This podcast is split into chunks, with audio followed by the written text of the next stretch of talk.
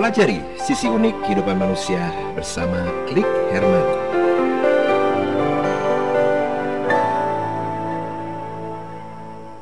Kita akan berbincang-bincang dengan psikolog tentunya. Iya, Mbak Ola Mariano Faula, Mhm. Magister Psikologi Psikolog yang eh, menjadi teman kami untuk malam ini ya di line telepon kita akan membahas satu tema yang pastinya Bujandara berkaitan dengan dunia psikologi ya. Iya. Selamat malam Mbak Ola. Halo selamat malam. Wah, ini keren nih suaranya Keren nih. nih. Oh beda ya kemarin ya. Beda, ini Iya, bagus banget nih. Mungkin karena faktor cuaca kali Faktor ya. cuaca kemarin bener banget. Atau Iya, nggak ada faktor pengaruh besok tanggal 1 Nah, kayaknya itu paling tepat deh. Alasan paling oke nih. Oke. Ceria. Mbak Ola baik-baik aja, sehat? Sehat puji Tuhan. Oke, Sehat. syukur kalau gitu ya. Hmm. Oke, Mbak Ola, eh, kita akan bahas satu tema ada dua sisi nih, dua sisi mata uang ya. Mau gajian Mhm, ngomongin uang terus. Tahu, Ngomongin uang kok ya, jadi sensitif banget gitu ya untuk mau masuk ya awal bulan gitu. Eh, mengenai yoga, gimana? Mengenai yoga dan psikologi. Iya. Nah, kita pengen tahu gitu kan, secara Mbak Ola ini kan seorang praktisi di bidang psikologi dan seorang praktisi juga di bidang yoga, gitu kan? Iya. Nah, Oke. apa sih hubungannya antara yoga dan psikologi, gitu kan? Ada nggak sih Mhm. hubungannya, Mbak? Em, ya, ada ada ada banget gitu Mhm. sebenarnya Mhm. gitu. Jadi apalagi kalau orang yang benar-benar memahami yoga secara mendalam dan memahami psikologi secara mendalam itu bisa connect banget sebenarnya. Mm-mm. Ya kalau eh, kalau kita hanya tahu yoga itu sebagai olah tubuh, ya mungkin bingung ya apa hubungannya sama psikologi, Hmm. apa Mm-mm. hubungannya sama mental gitu. Tapi kembali lagi tubuh kita dan mental kita tuh berkaitan. Itu dulu. Mm-mm. Terlepas dari yoganya ya. Jadi tubuh dan mental kita berkaitan. Iya. Tubuh kita mempengaruhi mental kita dan mental kita mempengaruhi tubuh kita juga. Itu dulu kan? Iya. Nah, kalau misalnya yoga, yoga dan psikologi tentang tentu ada kaitannya juga. Yoga ini kan macam-macam ya. Mm-mm. Yang orang tahu mungkin mungkin ada juga orang yang hanya tahu yoga itu meditasi, duduk diem gitu kan. Mm. Ada juga ada juga orang yang tahu yoga itu yang lipet-lipet badannya gitu Iya. kan. Oh, yang lentur-lentur gitu. Wah, saya nggak lentur, nggak mungkin Iya. bisa yoga. Nah, ada yang tahu begitu. Jadi macam-macam versi sih. Betul. Nah, ada juga lagi, yoga, yoga yang eh, pernah Herman lihat mereka di bawah sinar matahari rame-rame di setiap weekend gitu ya cuma Mhm. gitu aja beberapa jam terus mereka eh, apa namanya latihan di bawah sinar matahari gitu yoga kan ada juga yang biasanya dilakukan sama orang pada saat mereka eh, apa di berjemur di bawah sinar matahari gitu loh mbak bener. Nah, eh, itu hubungannya dengan eh, yoga-yoga yang biasanya ada itu gimana, Mbak? Eh, yoga sih yang pasti tempatnya bisa di mana aja. Mm-mm. Alirannya juga yoga beda-beda Oh gitu, gitu. ya. Apalagi ya sesuai dengan perkembangan zaman yoga kan ada yang sudah dimodifikasi gitu ya. Mm-mm. Ada yang dibuat ada sekarang acro yoga yang kayak akrobat yang berpasangan gitu kan. Mm-mm. Nah, yang saya bilang udah dimodifikasi ya. iya. Iya. Tapi kalau misalnya prinsip dasarnya kalau yoga ya gerakan-gerakannya sebetulnya itu itu juga sih karena olahraga sendiri kita zaman sekolah itu kan yoga itu kan dasar dasarnya ilmu olahraga gitu loh.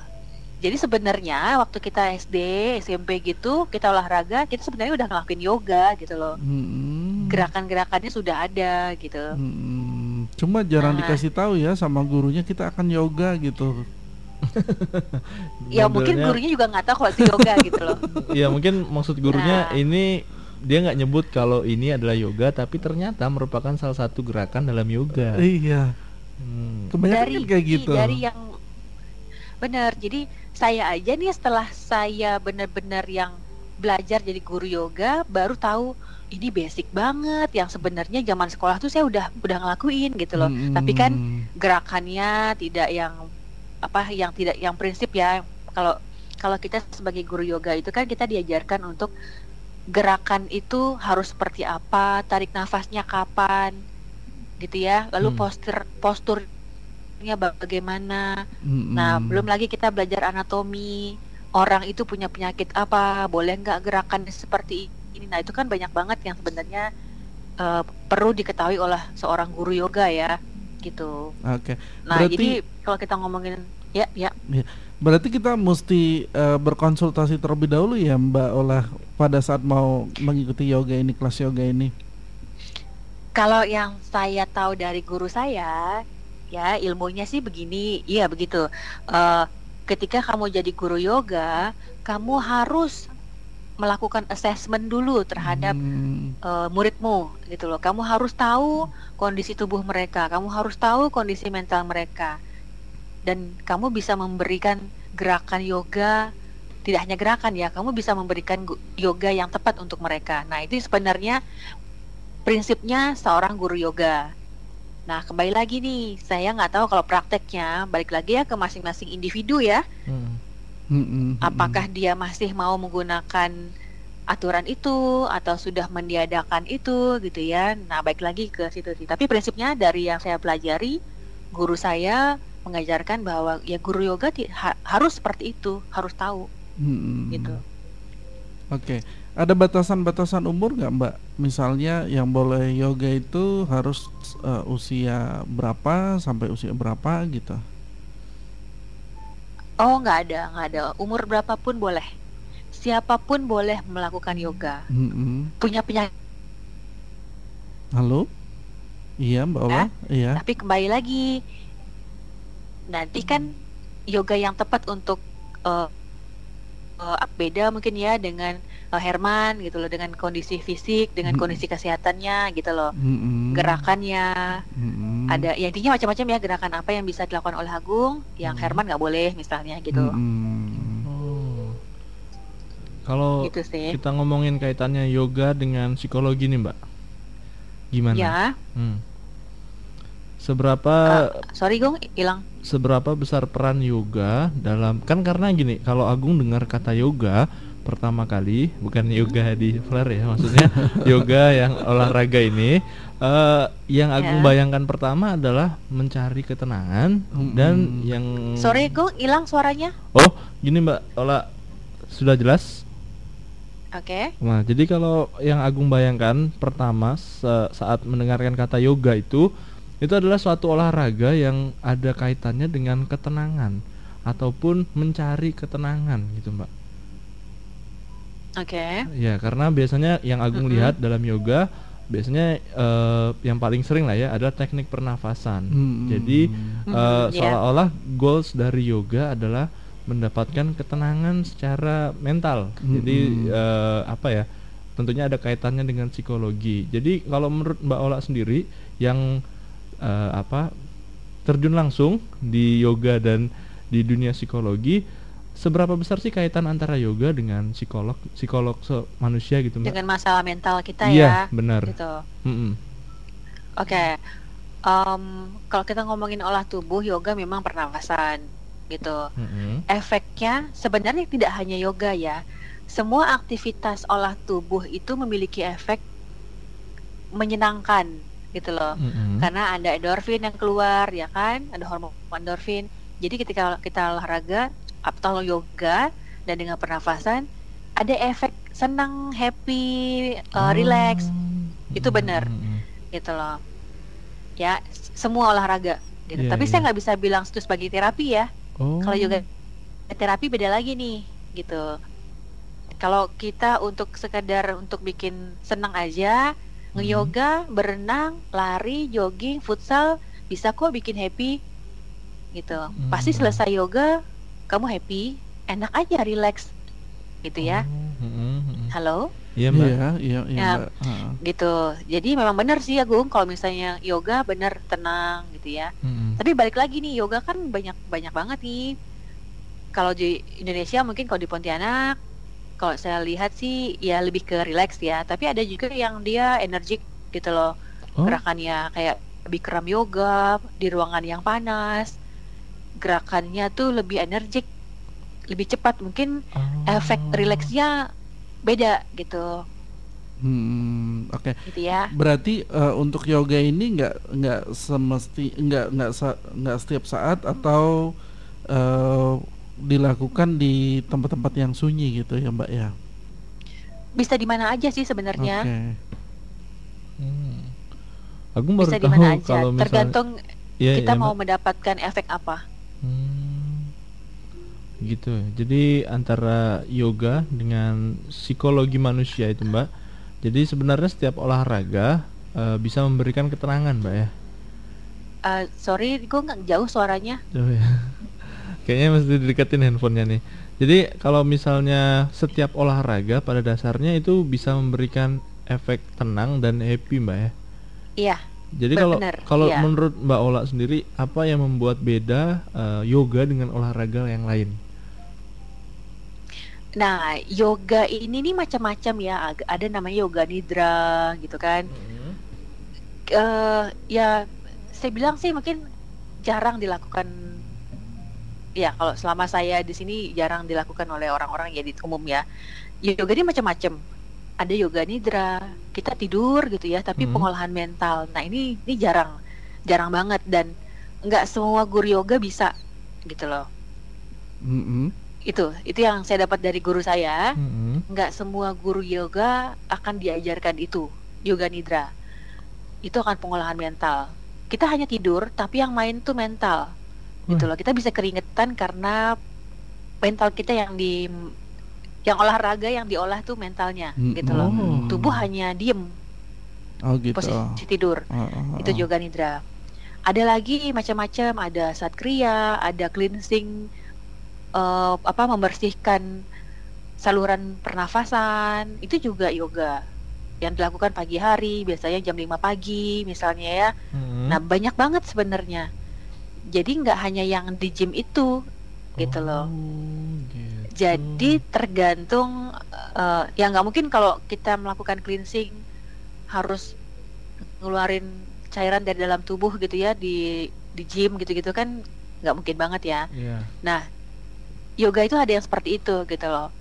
Jadi fungsinya untuk memperlancar saluran pernafasan yang efeknya ketika oksigen itu mengalir dengan lancar, nanti lancar juga nih peredaran darah ke otak gitu loh. Nah, Hmm. ketika otak otak ini lebih fresh, istilahnya kalau di cleansing ya, jadi kayak lebih rileks gitu ya. Nah, Mhm. otak bisa tenang, kemudian kita bisa berpikir dengan baik, bisa memecahkan masalah, bisa membuat keputusan. Nah, kira-kira seperti itu. Jadi memang agak sulit ya mau menceritakan yoganya mungkin Agung sama Herman juga bingung emang yoga yang kayak gimana ya gitu loh ya karena memang di tempat gym memang tidak diajarkan yang kayak gitu saya nggak Mm-mm. bilang tempat gym ya artinya gini yang umumnya dilakukan eh, jarang yang seperti itu gitu loh itu lebih spesifik lagi Oke. Nah, sebetulnya untuk waktu yang tepat untuk yoga ini kapan sih Mbak? Apakah pagi, siang, atau malam atau eh, ada waktu-waktu khusus yang sebetulnya eh, itu akan mempengaruhi secara psikologi, secara mental, secara fisik gitu.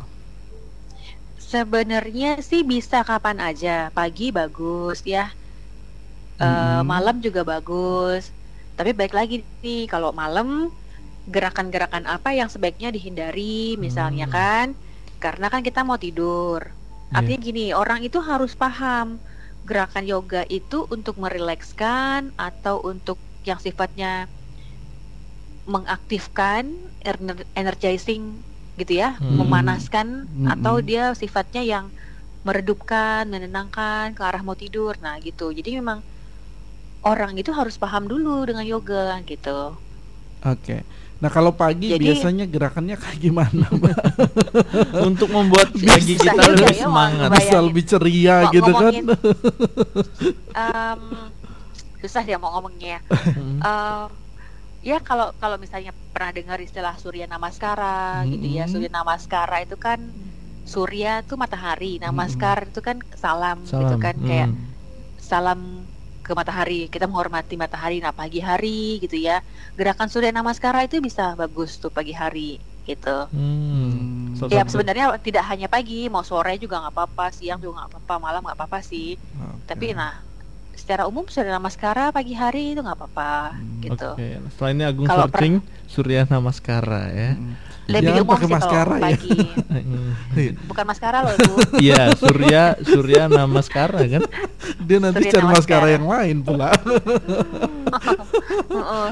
Oke, Suryana Maskara. Namaskara. Itu untuk di pagi hari, di Iya. malam hari juga bisa digunakan ya, Mbak ya, bisa dilakukan boleh gitu. boleh Hmm. Mm, boleh kok Waktu yang tepat gitu, Mbak. Ah, maksudnya gini, durasi waktu yang digunakan untuk yoga ini sebaiknya eh, berapa lama sih, Mbak? Apakah 30 menit, 15 menit, satu jam atau mau Oh, berapa oh, jam gitu? Oke, kalau durasi waktu tuh kalau kita ngomongin full yang ibaratnya dari mulai pemana, kalau seluruh tubuh ya satu jam, Satu jam ya. Itu sudah efektif ya. Ah, iya se- sebadan dari atas pe kaki itu udah kena lah gitu ya Hmm. gerakan-gerakannya gitu.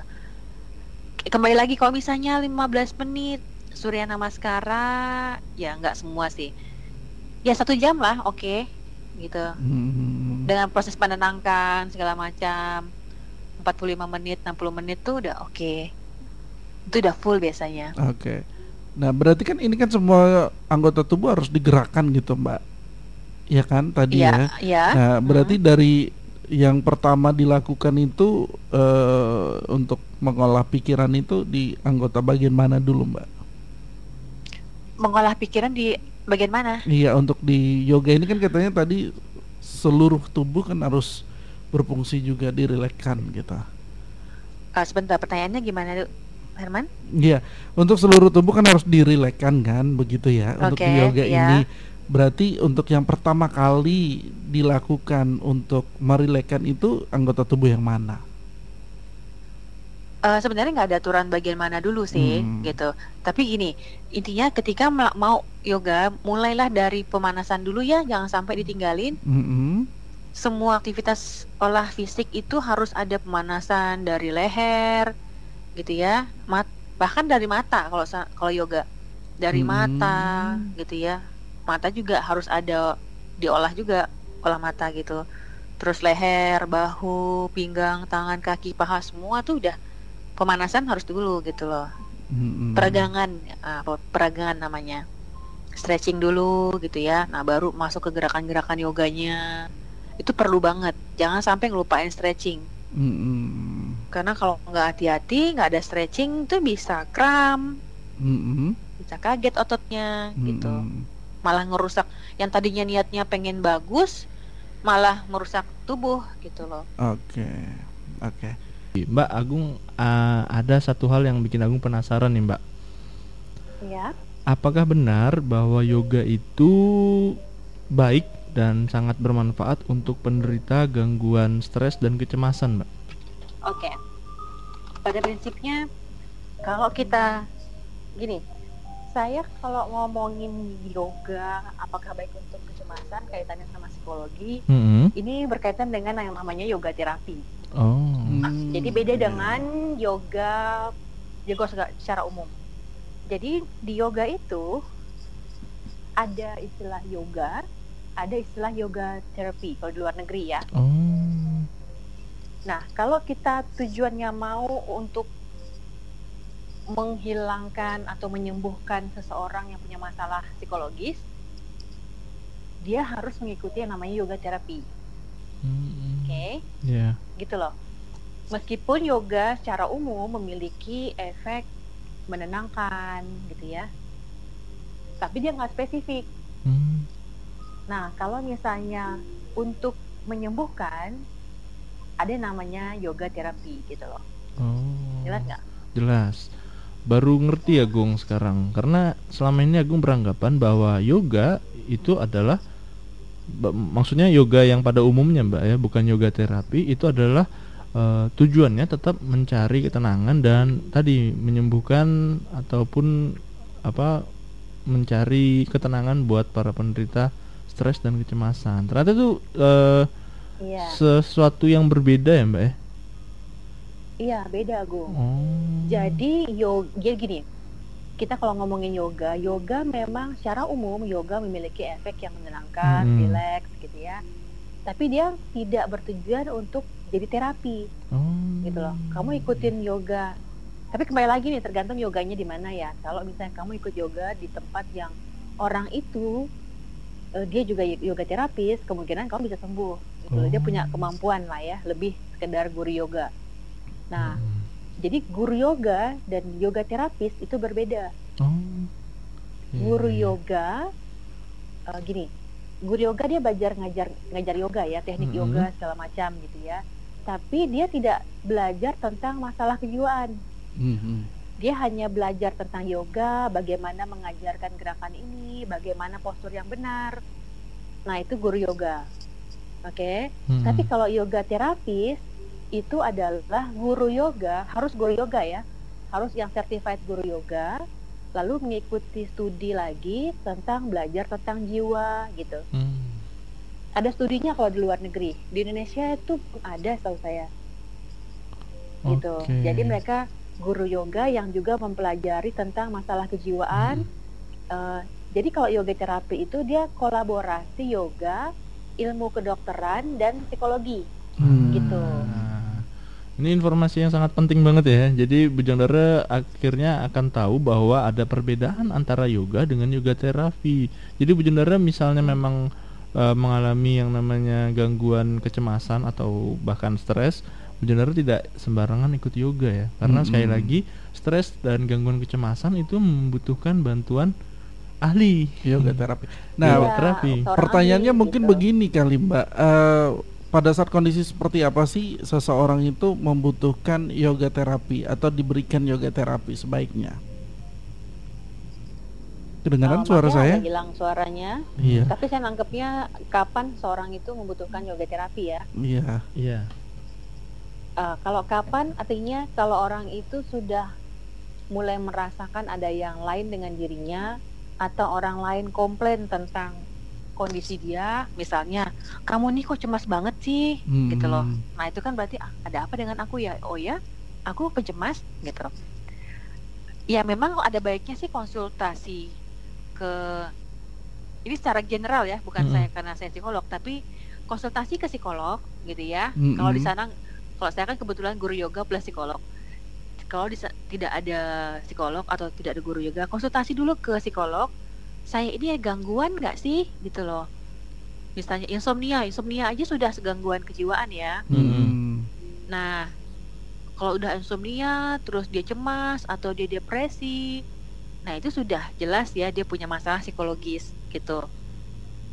Nah, Hmm. Ya kalau sudah punya masalah psikologis, dia butuh yoga terapi, Oh. Oke.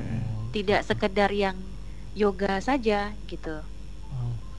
Jadi untuk mengikuti yoga terapi itu harus ada rekomendasi dari ini Mbak ya, psikolog ya Mbak ya. Bisa juga lebih bagus begitu. Oh, jadi kita harus tetap Mm-mm. apa konsul dulu, baru kita memutuskan apakah harus ikut yoga terapi atau enggak gitu ya. Ikut yoga terapi, konsul dulu. Mm-mm. Kita mengalami gangguan apa gitu kan? Mm-mm. Nah, nanti kan enak tuh ngomong sama yoga terapisnya. Oh, betul betul. Jadi nggak Hmm. bisa, bukan nggak bisa sih, tapi alangkah baiknya kita konsul dulu ya kan, Hmm. biar kita tahu Iya. masalah yang kita alami itu sebenarnya apa. Nih nih bar, Agung baru nggak nih, benar. Jadi informasi ini benar-benar baru Agung ngerti sekarang bahwa ternyata ada perbedaan antara yoga yang untuk olahraga dengan yoga yang eh, pada prinsipnya untuk menyembuhkan para penderita gangguan stres atau kecemasan. Hmm. Iya. Hmm. Itu hanya untuk gangguan Jadi beda ya. itu hanya untuk gangguan stres dan kecemasan saja ya Mbak Ola. Atau ada Bisa lagi? macam-macam. Oke. Berbagai macam gangguan gangguan mental ya sebenarnya. mm-mm, Berbagai mm. macam gangguan lah intinya yoga terapi itu gitu loh. Hmm. tinggal nanti kita lihat bagaimana kondisinya. Intinya tetap butuh analisa dulu, Hmm. gangguannya apa. Nah, tinggal didesain kan. Oke, Gitu. untuk terapinya berapa lama gitu ya? Bener. eh, Hmm. Kalau yang namanya terapi kan nggak bisa. Nah, ini yang kadang-kadang orang sering salah. Contohnya kayak orang mau nanya to- soal yoga saya gitu kan. Hmm. Iya. Kalau saya kan bentuknya eh ini sekarang promosi deh. gitu nggak ya. apa-apa Artinya gini, artinya gini, kalau yoga terapi itu kan yang namanya terapi kan gak hanya datang sekali. Iya, heeh. Minimal dia sudah harus datang sekian kali untuk mendapatkan karena ada tahap ya. Hari ini kita bagaimana, besok kita bagaimana, hari ketiga bagaimana gitu kan prosesnya sebenarnya gitu loh. Hmm. Jadi ada tahapannya, ada evaluasi. Nah, seperti itulah kira-kira.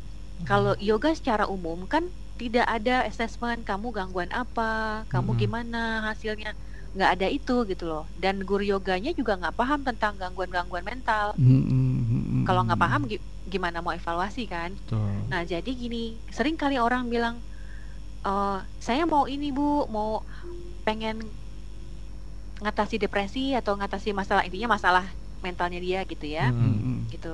Saya ikut yang gym-gym aja deh. Eh sorry ya bukan saya yang ngomongin gym. Saya ikut yang di tempat itu aja deh, yang gym, yang sanggar, yang gitu-gitu, yang Iya. umum gitu ya, Hmm. yoga umum gitu. Nah biasanya ya itu pilihan. Tapi kadang-kadang orang masih nggak memahami ya, nggak Hmm. memahami bahwa oke boleh kamu ikut di situ. Cuman kadang-kadang muncul lagi keluhan. Saya tuh udah ikut yoga, udah ini, udah ini, tapi masih aja gitu. Udah bertahun-tahun ikut yoga Oh. masih. Nah kayak gitu loh. Hmm, hmm, hmm. Nah, saya nggak tahu yoga yang dia lakukan seperti apa gitu ya.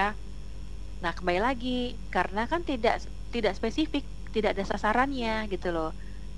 Dan itu kan yoga secara umum yang diajarkan untuk banyak orang secara general. Guru yoganya juga nggak tahu masalah kamu apa gitu ya. Nah, kira-kira seperti itulah. Jadi kalau guru yoga ya tugasnya mengajar yoga. Jadi kalau disuruh untuk mengatasi kecemasan, dia sendiri nggak tahu yang namanya gangguan kecemasan seperti apa gitu. Mm, mm, Oke. Jadi memang butuh program kalau untuk menyelesaikan masalah mental. Mm, mm, Oke. Oke. Kalau Mbak Ola, ini yoga apa nih Mbak biasanya yang yoga diinikan? terapi atau yoga gimana nih mbak? Kalau saya saya bukan yoga terapis ya Hmm. gitu. Karena kalau yoga terapis itu pendidikan khusus sekian bulan. Oh. Kalau saya kan nggak mungkin nggak mungkin ya ikut itu karena saya maksimal cutinya bisa 20 hari aja. Nah, saya ya terhalang dengan cuti sebenarnya gitu loh. Jadi Nah, saya certified guru yoga mm, mm. ya dan saya kan eh, profesinya psikolog gitu loh. Nah, kebetulan saya memahami dua hal ini gitu. Mm. Tapi saya secara secara formal saya bukan certified yoga terapis, bukan ya. Ah, Jadi Oke. saya nggak pernah menyatakan bahwa saya seorang yoga terapis enggak. mm-mm. Saya guru yoga dan saya psikolog gitu. Mm, mm. Nah, saya menguasai dua hal ini. Gitu loh. Hmm. Kemudian saya yang kebetulan dipelajari oleh yoga terapis. Kalau yoga terapis ini kan tidak ha- tidak harus psikolog. Orang umum pun bisa. Oh gitu. Tidak harus iya, tidak harus yang sarjana gitu loh. Kayak Mm-mm. misalnya Agung nih.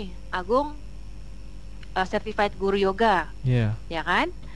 Kemudian jadi yoga terapis itu bisa. Gitu. Jadi Hmm. tidak harus psikolog. Oh. Nah, kalau saya kan kebetulan saya memang psikolog dan saya guru yoga kan, Mm-mm. gitu loh.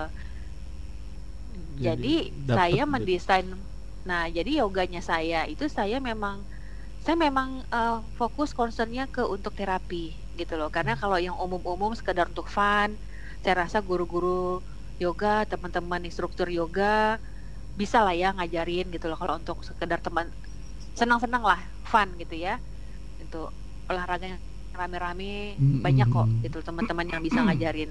Tapi kalau untuk terapi ini kan tidak tidak semua guru yoga bisa. Nah itu kenapa saya memilih untuk spesifik ke sini gitu loh. Oke. Berarti kalau untuk Dan terapi cara- eh, untuk terapi ini Mbak Ola em, eh, ini biasanya dilakukan personal atau memang grup maksimal berapa gitu? Ada syaratnya? Saya maksimal 10 orang.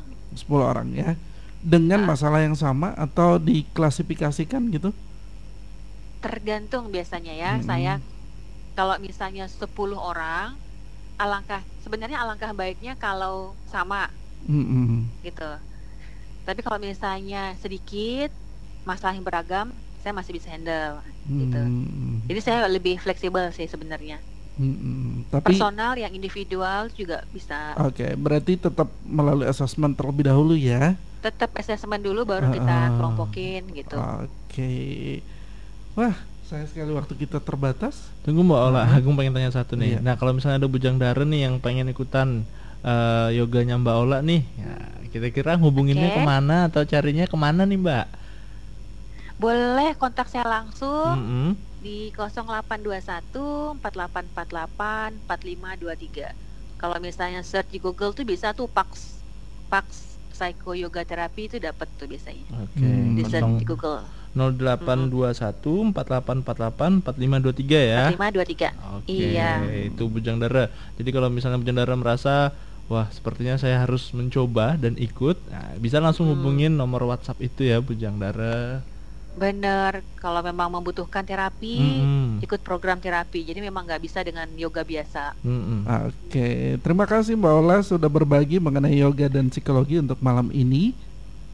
Oke. Iya, kita ketemu Sama-sama, lagi terima kasih juga. bulan depan Bulan tentunya. depan. Oke, Iya. terima kasih Mbak Ola. Kita ketemu lagi bulan depan. Sama-sama. Selamat malam. Sehat selalu Mbak Ola. Selamat malam. Ya. Pelajari sisi unik kehidupan manusia bersama Klik Herman.